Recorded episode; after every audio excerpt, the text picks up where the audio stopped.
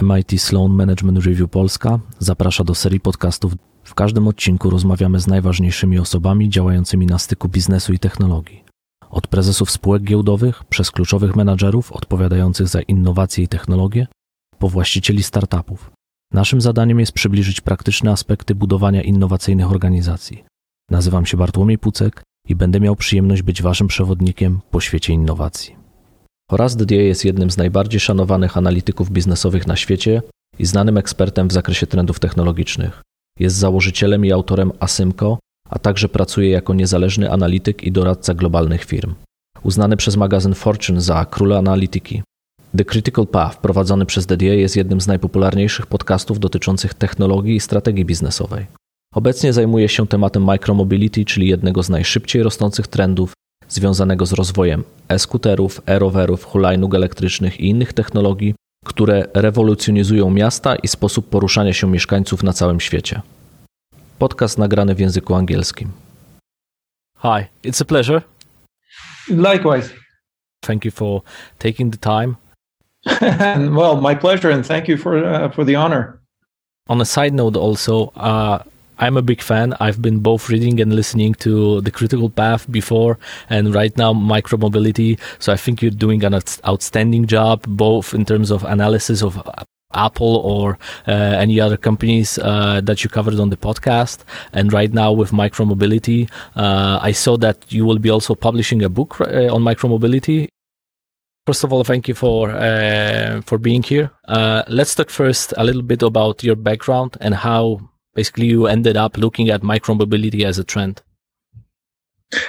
Right. So so my my background my background is is um, I, I i'm trained as an engineer. I got later in my career involved in analysis and business analysis because i i was uh, i was working actually at nokia was the first job i had where i wasn't doing engineering work and that was in 2001 and then um, and so that that over those next nine years working within Nokia, trying to understand the mobile business, trying to understand the, the disruption that happened, um, that's when I kind of became more more involved in what you might consider business analysis. But I always had an engineer's kind of uh, point of view, which was looking for theories, looking for ways to describe things that were not um, just anecdotal. Um, and and so, well, what happened was I, I, you know once I left Nokia, I did my own thing for a while. Did I did Asymco for a while, and that was that was just a, a hobby initially, but it became a it became a real thing with the you know a lot of um, uh, publishing work and speaking and and and working with many very very bright people. That was one of the things when you when you when you go out and you you you you give freely of your time and of your of your ideas, and you you generally just just uh, don't expect much back. It turns out that you get a lot back. So that was that was my my work with with with Asymco. And then actually one of the things came back was Clay Christensen asked me to join his institute.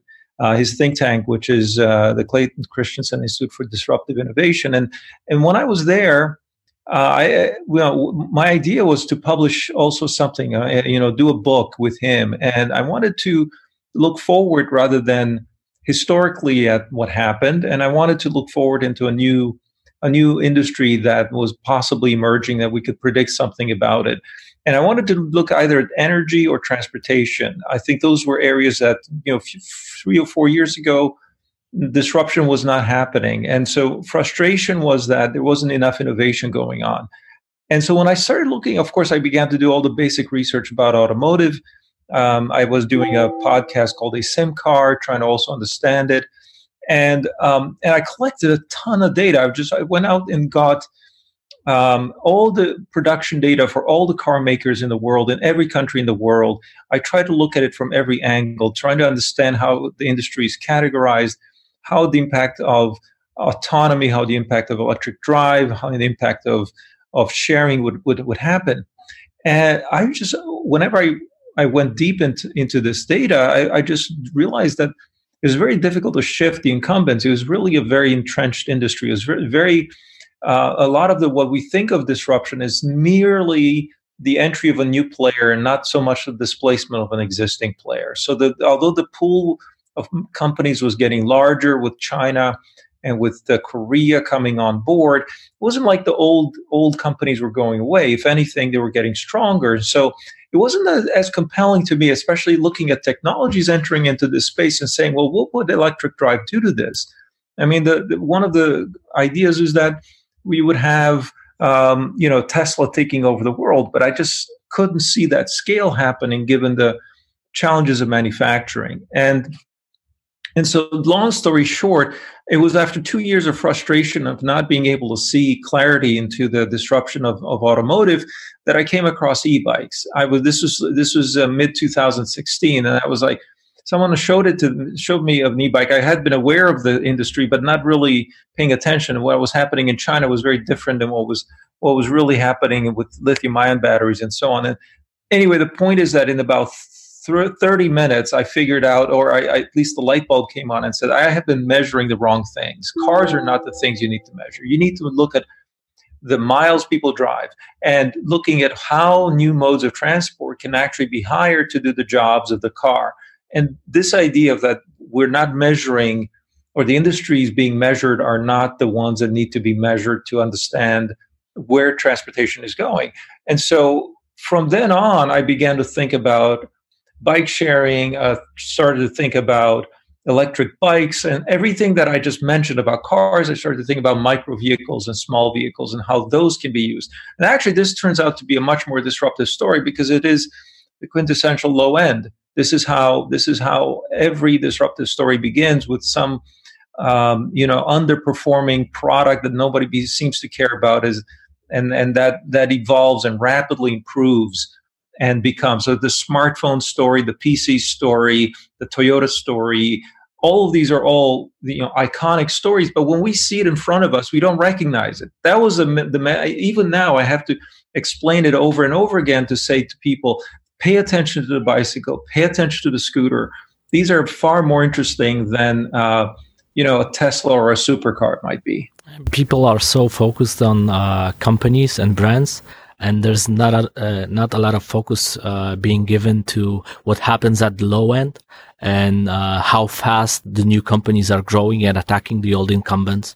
That's a very different point of view. If you look at uh, the whole uh, car industry, like you said, uh, it's how far and how long are you going to travel versus what car are you going to travel? That's a very different question from the jobs to be done perspective. Exactly. And, and so Clay just makes this very, very important point that saying the way you begin an analysis is with categorization.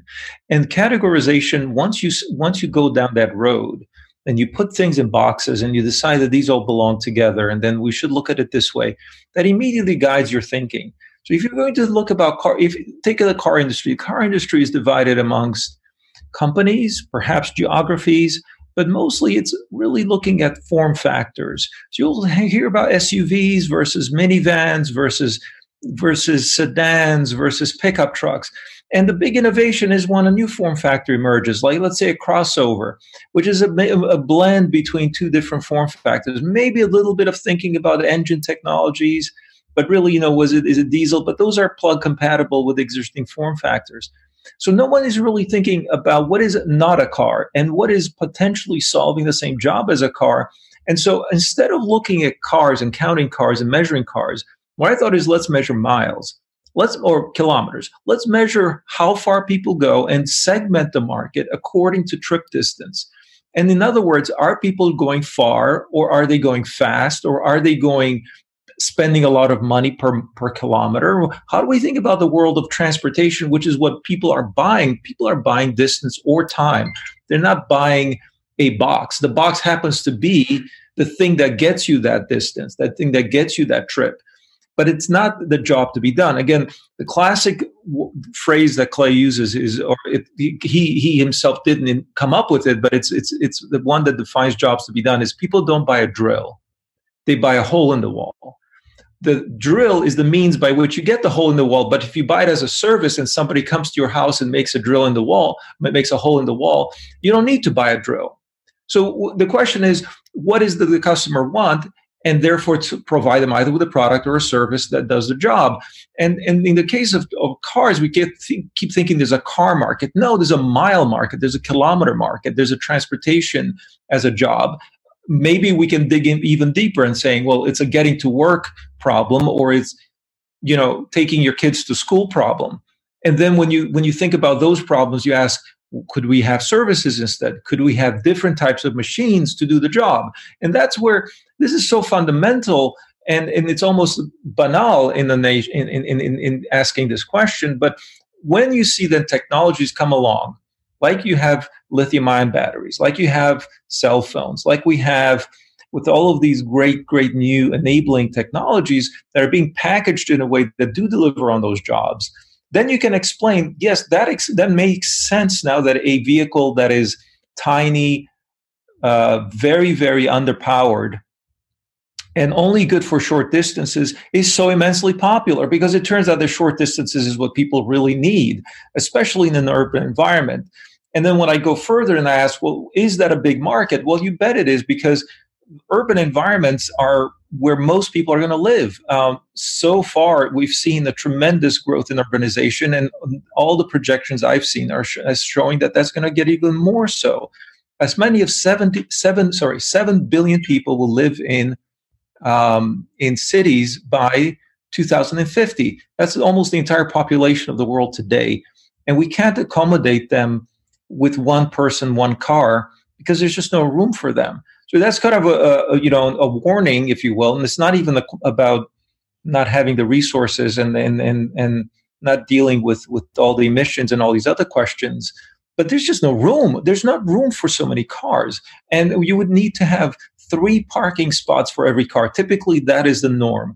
If you ask yourself well three parking spots is almost the size of a small apartment so you're going to have to buy an apartment for your car in a city where apartments are extremely expensive and this is this is by the way a ground floor apartment, so you can't stack them up easily. The whole of the whole of San Francisco uh, and the whole of Los Angeles are are dedicating so much space to their parking that there's not enough room for people to live. So this is this is what's remarkable is that all of this is compounding this thesis that we got to look down market, we got to look small in order to see the future. So when you look at the broader landscape and you look also from the low end uh, disruption perspective, what do you think is happening right now? So, first of all, when I began looking at this, I said e bikes are going to be very interesting because first they're bicycles, but with electric power, with electric motors, with electric, uh, great, great rechargeable batteries. It's a transformative technology. It's like adding a computer to a to a, to a phone. Uh, you know, we ended up with smartphones. Um, and and so that was a completely new category. Even it looked like, well, we have computers and we have phones. What's the value in bringing them together? So that was most of like like 15 years of my life was understanding how the combination of phones and computers can change the world. And so I thought that that was one of these potentials here that we we we blend uh, motors and bicycles and, and come up with something new. Since then, however, we've had even smaller vehicles in the form of scooters, so called e scooters, have actually taken off even more rapidly than e bikes have, at least in the shared mode. Um, and, and so when you start to add up the figures, within two years now, that's only two years. And again, keep in mind, Tesla has been around for 15 years and it's barely able to get 200,000 vehicles produced a year. Um, and the entire electric car industry is 2 million vehicles. That's new data out of 2018. 2 million vehicles were made with, with electric, including plug in electric. And, and so the, the, the, the, the scooter business, one company alone, which is Ninebot, shipped 1.5 million scooters last year. It's just one of the scooter companies. In terms of e- e-bikes alone, 900,000 e-bikes were sold in Germany alone last year. If you if you include also the Netherlands, we're looking at 1.4 or 1.3 million. So at least you know these are not complete data because again, no one's really measuring micromobility as a whole. But if you were to take scooters plus e-bikes plus some other types of like you know powered but very small vehicles, we're already at five million a year.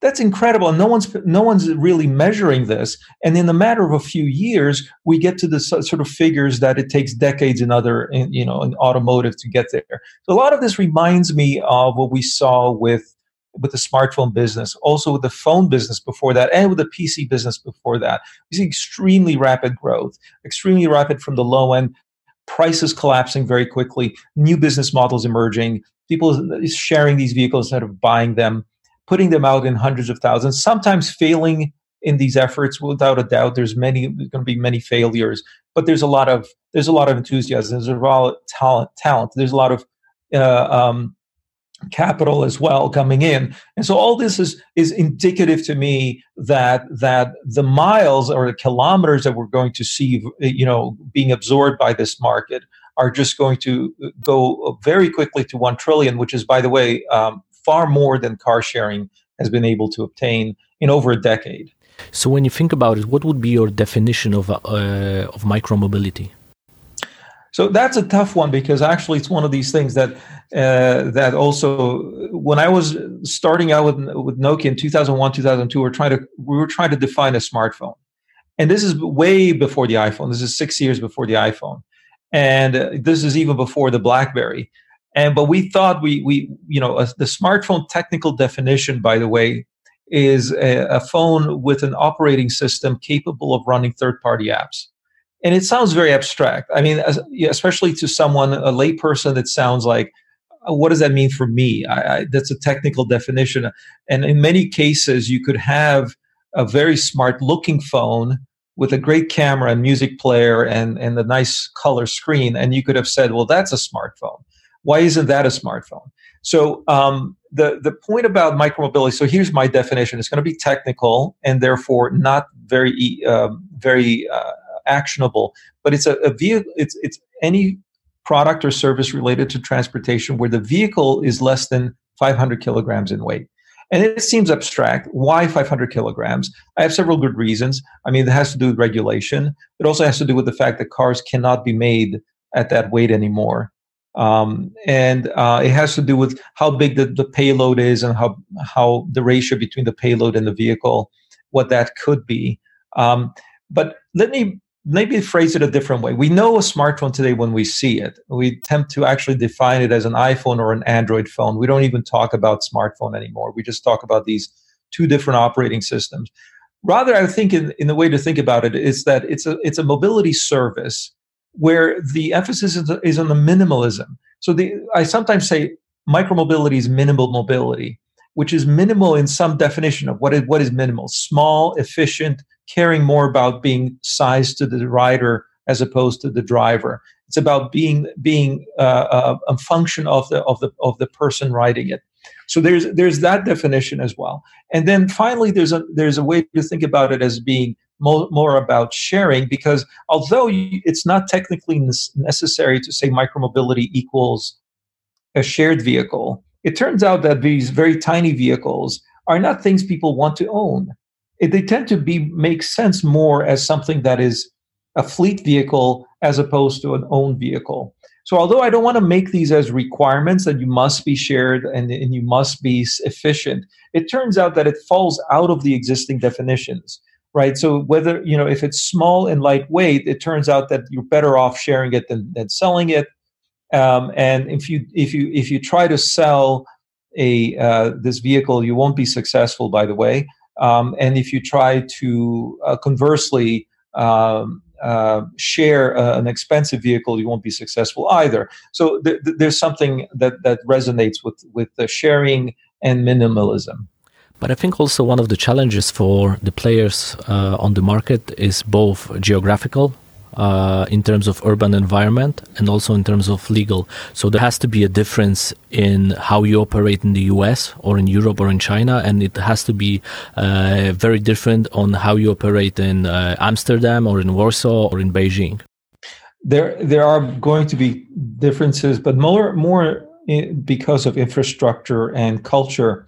Um, First of all, let me just point out the fact that actually automobiles are very standardized globally, uh, as as is aviation, as many as as our, as our phones, for example. We we don't really end up in, in a sort of a global sense. We we we have quite a homogeneous technological uh, um, layers, if you will, that these become standardized quite easily.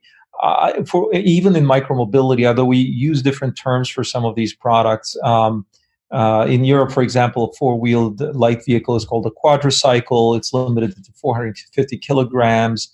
Uh, in China, it might, might be called an LSEV. In the US, it might be called a neighborhood electric vehicle.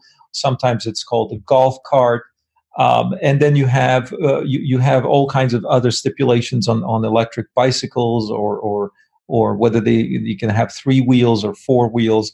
I think these tend these tend to normalize over time because standards organizations speak to one another. Um, but as far as operationally, and I think this is this is where culture comes in. You'll see very big differences. In one case, you'll see the Netherlands where everyone is on the bicycle, not wearing helmets very comfortable doing that. Even the design of the bicycle is is is for people to do it in a leisurely fashion and calm way with mostly women. Actually, women are the majority riders in both Copenhagen and Amsterdam. Um, and yet, you have places like in New York where everybody's afraid of getting on a bike. They think it, that it's absolutely for only for the most lunatic uh, kind of uh, uh, uh people who are are sort of super macho or super super athletic um, that you have to wear special clothes and special helmet and special uh, equipment. Uh, the bikes have to be special as well. So there, this is a cultural difference, and and in order for for that to change, it takes a little bit longer. But the way that changes is that people actually open their eyes and see. They, they travel, they visit, they watch, they look on YouTube. You'll see differences and say, wait, wait a minute, why are they behaving so different than us? So it's it, the culture tends to now diffuse as well. So the, the diffusion of culture and the speed that that happens is also a lot higher than it used to be. So when, when we saw scooters come into Santa Monica, California, very quickly they spread around the United States.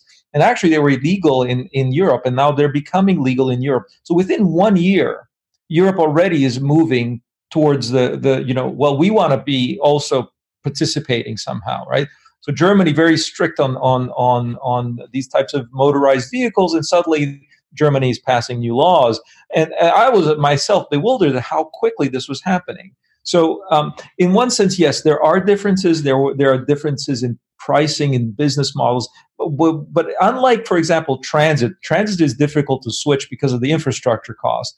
But in the case of micromobility, the it, it requests so much, so little of itself that it, it, it's much easier to have it sort of be transplanted as an idea right that's the question is how fast do ideas propagate how fast do minds change whose minds need to change are there many people whose minds need to be changed and this is the, the, when you start to do analysis on this kind of s curve diffusions uh, which are really idea diffusions it's it's compelling that micromobility is one of these things that actually is easy is e- very easy to change opinions on. Um, it doesn't ask a lot for for itself. Again, I keep going back to this. The infrastructure it needs is less than what the car needs. So actually, in many cases, what you need to do is dismantle infrastructure. You need to take away parking spots. You need to take away parking garages. You need to repurpose infrastructure that was built to a much higher standard. So when you actually, this is a mode that steps up and says, I need less for myself than what you think you need today. And that, that is that is again another asymmetry with with this mode. And what are you seeing uh, in terms of business models out there? Because the business models have to differ between scooters and uh, e-bikes uh, and um, I don't know uh, electric cars. So th- this has been another innovation. So let me talk back a little bit for some some pre pre pre pre scooter era. So so the big breakthroughs were first that that we had bike sharing by the way going on as early as year 2000 and and and these early systems they didn't have electrical uh, first of all not electric bikes but they were not even they were not even communicating uh, the docks were not smart in the sense that there was no no, no uh, database access. You actually put coins and you got the bike. Many times this was so this failed for obvious reasons. People could steal the bikes. There was no way to track the users and so on. And so we ended up with dock systems, which got became, became more and more intelligent. But the docks were really expensive and they required a lot of land, and cities were losing money. So we had failure after failure after failure. And what do we have? Explosive growth throughout this period of failure, the number of bike sharing systems exploded from tens to hundreds to thousands globally. Every one of them may be losing money. I don't know, but somehow they kept going. Then we had the Chinese free floating model. And here's where you add GPS to the bike and you say, well, we don't need a dock anymore. We'll just le- let the user park the bike wherever they want. And in order to, for them to retrieve it, because it has GPS, it knows where it is, and you can use your, your phone to actually unlock it. And so we ended up with a free float model. And this was starting about 2015 and 16. There, another few billion dollars went into that effort, most of it wasted, most of it a failure immediately on the heels of, of free float bikes, though, we ended up with free float scooters. Here's another wave of billions of dollars being invested into this. And you might say, what, uh, what kind of stupidity is this? Because so many people throwing so much money after what is obviously a failure. The reason they're doing it is because of mass adoption, millions and millions and millions of rides, millions and millions and millions of users. We had in China 400 million people signed up to do bike sharing. In one year, 70 million actives in one year. We had Bird and Lime in the United States with scooters, again deploying millions of vehicles and ended up ended up with tens of millions of rides in one year. This was incredible. And yes, they lost money, but most of the capital which was chasing this giant ramp in usage and say, we'll figure it out later. We'll figure out how to make money later. And so what we're we're at now is probably version two of micromobility, which is the scooter wave. I suspect by version five, we're going to have the killer business model because this is the same thing that happened with the internet. In the in the between 96 and 99 we have the the dot com uh, bubble where people didn't know what how to make money on the internet. We we had an amazon but it wasn't anywhere near the the you know monopoly it is today and and we had uh, early search engines but you know we had also yahoo. And and so people were experimenting but the reason capital flowed into the space was because you had millions and millions of users billions and billions of eyeball minutes whatever it was you're measuring. And so we had engagement. We had a tremendous opportunity. People saw that very quickly and you could you could plot it.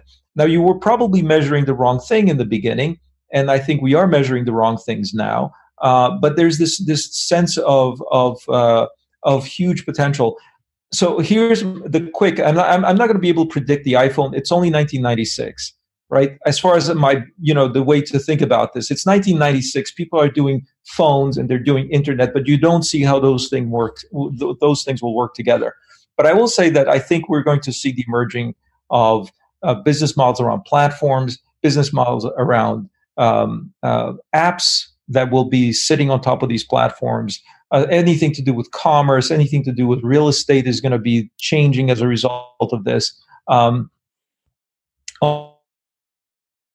business model with with um, you know knowing where people are going knowing how people travel knowing how people might stop because objective by the way the car is to go a to b as quickly as possible and nothing should interrupt your journey with micromobility the, the whole question will be how can we get people to stop and to get people to stop and have a coffee, enjoy something about their journey, and have the eyes out as opposed to eyes in. That new way of thinking about transportation and sort of engaging the user, the way we think about browsing, because the way we think about browsing now is getting people to stop at a website. We don't want, you know, I want to download a database. That's not what the internet is. The internet is not to go like using Telnet or FTP to transfer a file. That's maybe version one of the internet.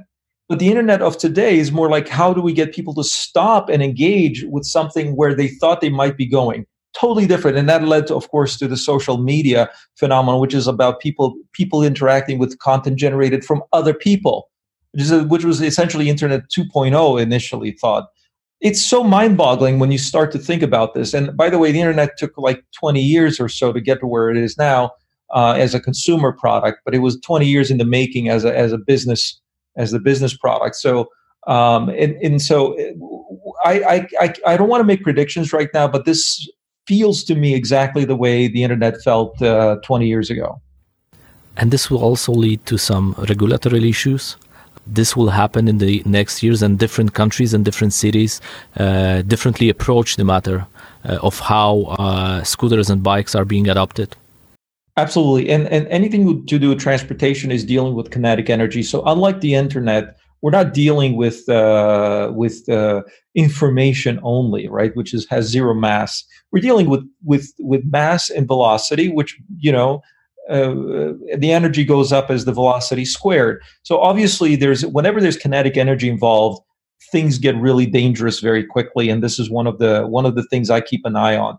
Uh, mass is an aspect, and velocity is the other aspect. So one thing about micromobility is that we we we, we can constrain the mass. As I said, it needs to be below a certain number, but implicitly we also constrain the velocity. Again, you can have motorcycles going very fast, but the way these are going to end up being built is to be essentially below 45 kilometers an hour. This is already a limit on e-bikes, and it will be a limit going forward. I think, um, which is about the top of the what a city a city vehicle is allowed to do.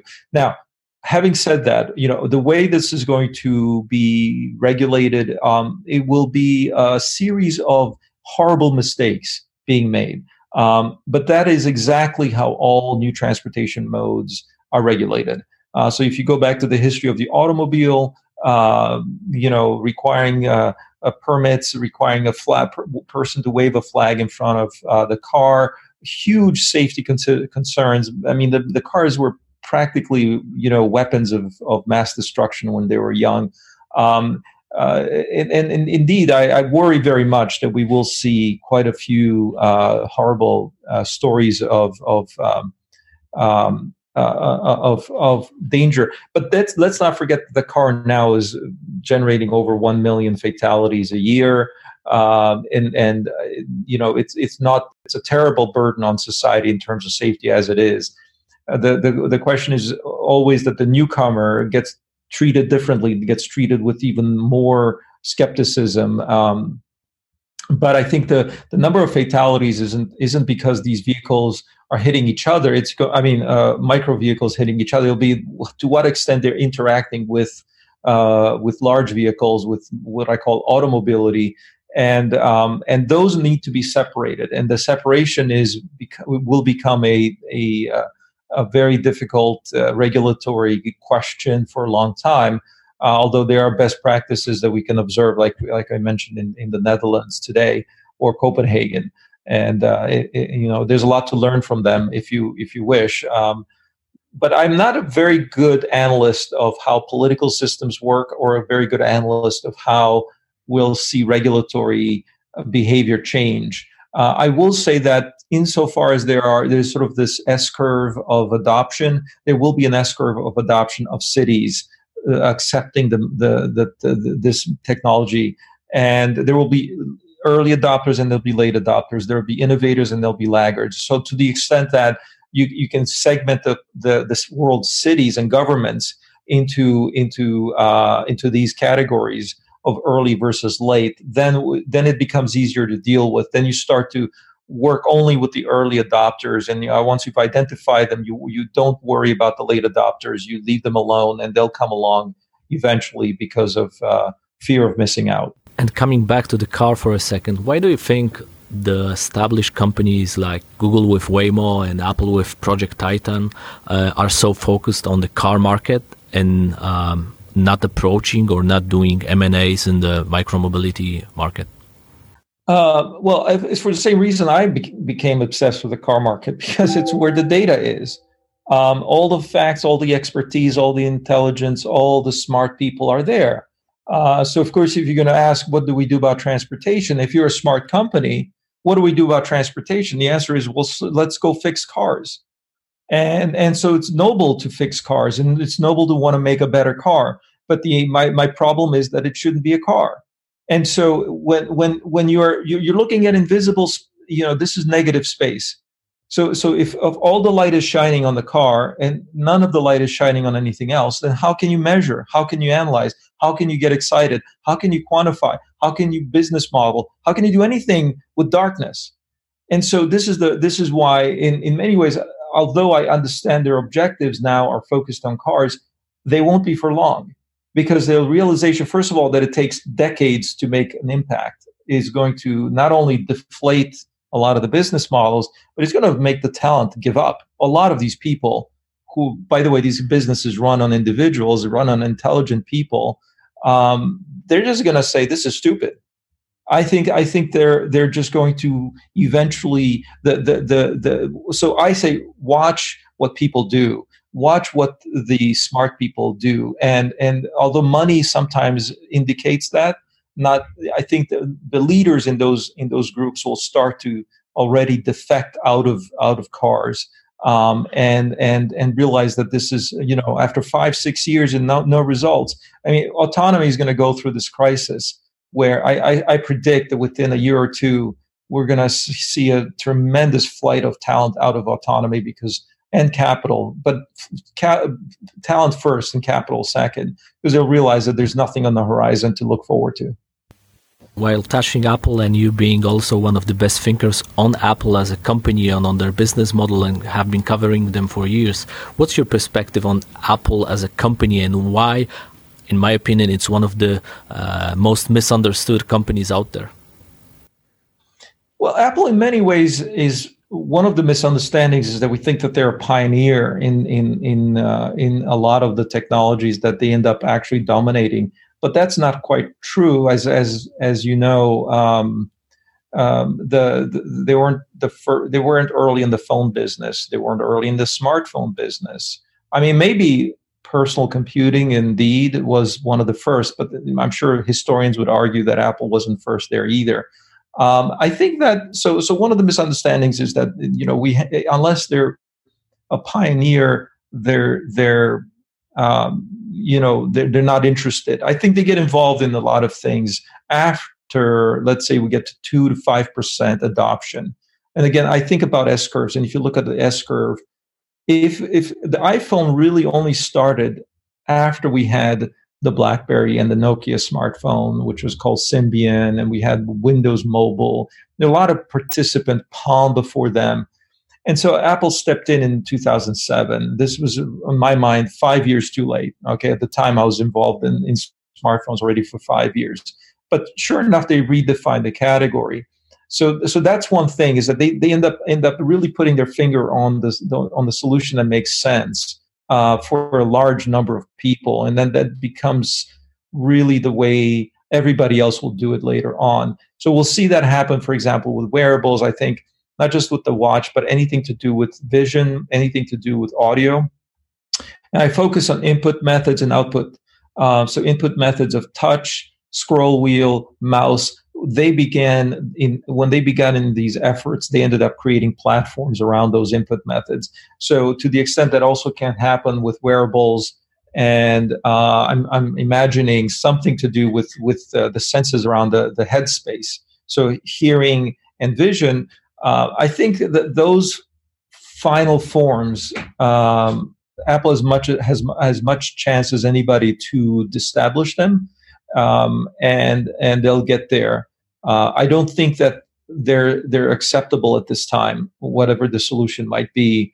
Um, and so that's why we haven't seen them launch anything there yet. And micromobility might be another area. I, I, I think that if there is a struggle at Apple, it's where where they can find where they can contribute to this new category because not only does it does it have to be I mean, i'm sure they could design amazing vehicles but like with the car why why is their entry meaningful? They're not going to do it just for for saying hey we can do it. They have to do it because it will be impactful and meaningful. At, at least this is what Jony Ive always says. It's easier to make the hardware part. It's much more difficult to make the and make and create the experience of a product. Yeah, the experience in some ways, another way to analyze this is to look at all the pieces that need to work together. So there's hardware, software, services, and that's sometimes called experiences. I, I think that's a slightly vague term. I, I, I think that the, the, I, you know, just speaking to some folks who had used to work there, um, they're much more grounded in very, very basic questions like, can we manufacture this? If we manufacture it, can anybody copy it? if they copy it, can we still remain unique in our approach? So that that's how the the, the logic follows. It's not like that. There's always some uh, there, there's a there's a an academic theory, if you will, of how, when and how to enter and for what reason. It's very very grounded in like we just got to ship a product and figure it out, and and, and it's almost like an engineering uh, uh bottom up approach as opposed to let's understand the market and a top down approach and let's understand the competitors and the dynamics and all the stuff you hear about in business school. I think they're much more like, hey, I heard that somebody figured out how to do haptics really well. Oh, really? So there's a new kind of little gadget that fits inside a watch that makes it really interesting for for for feedback uh, with using vibration. They start with that and say, "What can we use that? Can we make? Can we use this to solve a problem that we've been thinking about for a long time around wearables?" And so they come from it from that angle, and that's why they make these micro acquisitions. These little companies. Remember, they they acquired a company that gave them Touch ID. Um, uh, they acquired and failed with the company that gave them Sapphire screens. So th- th- this is where where I would I would be looking at. Oh, and they also acquired and overpaid, in my opinion, for for uh, Beats, uh, which was a, a headphone company. Uh, and now uh, finally we're seeing some some new new and clever ways of attacking the the ear space. Uh, so the ear space is going to be interesting. The eye space is going to be interesting. Possibly the neck and the wrist. I, again, these are to me these are points on the body. These are real estate questions, and who's going to dominate them. Cool. Thank you. Finishing up, Horace, uh, you have an upcoming book on micromobility. When it's out, what's it all about? Well, to be honest, it's going to be mostly a transcript of the micromobility podcast. Um, and I've done uh, two podcasts that I'm very proud of. One is The Critical Path, and the other is, the, is Micromobility. And for both, uh, what I did is is um, as a as an anniversary present uh, after the first year, I did a transcript of these uh, podcasts, which then was launched as an ebook. Of course, I go through and edit it a, a, quite a bit and make it much more readable. And there's some some uh, story that you can perhaps follow throughout the book. Uh, but the title of it is actually Micromobility the First Year. In one sense, it's the first year of the podcast, but it's also the first year of the industry. So it, it, it is a narrative of what happens at that moment in time. So it's the zeitgeist of micromobility in 2018, right? That was the moment when it began. And so hopefully if it's read, you know, 20 years from now, people will say, oh, I remember I was there and this is, this is what happened. Uh, so it's almost like you, you know, you have an archive of the newspaper uh, you know, on the day uh, Neil Armstrong, you know, set foot on the moon. I mean, it's nice to read that newspaper from that time, although it's not a book or or, or, a, a sort of a really compelling narrative. But that's one thing it's I hope to accomplish. With another value add is that we're going to have a lot of visual uh, detail in it in the form of graphs and data that I wasn't able to share, obviously because we had a podcast. So it's going to be an illustrated uh, volume um, and actually, to accompany that, we're also going to have a poster of a lot of these illustrations so people can po- put it on the wall. And it's done as a Kickstarter. It's not a published in you know traditional publishing channel. So I don't think we'll sell thousands of them, but we we will sell enough to the to the original audience of the of the uh, of the show, which again will feel that hey, we were there we were we were paying attention at the time when it, it was really the beginning of, the, of an era. So that's the purpose of micromobility the first year. Excellent. Uh, I'm very much looking forward uh, reading it, uh, and I'm also looking forward seeing you in Warsaw uh, at the conference. There's a lot of people waiting for your keynote on micromobility, so uh, see you there. Oh, thank you so much.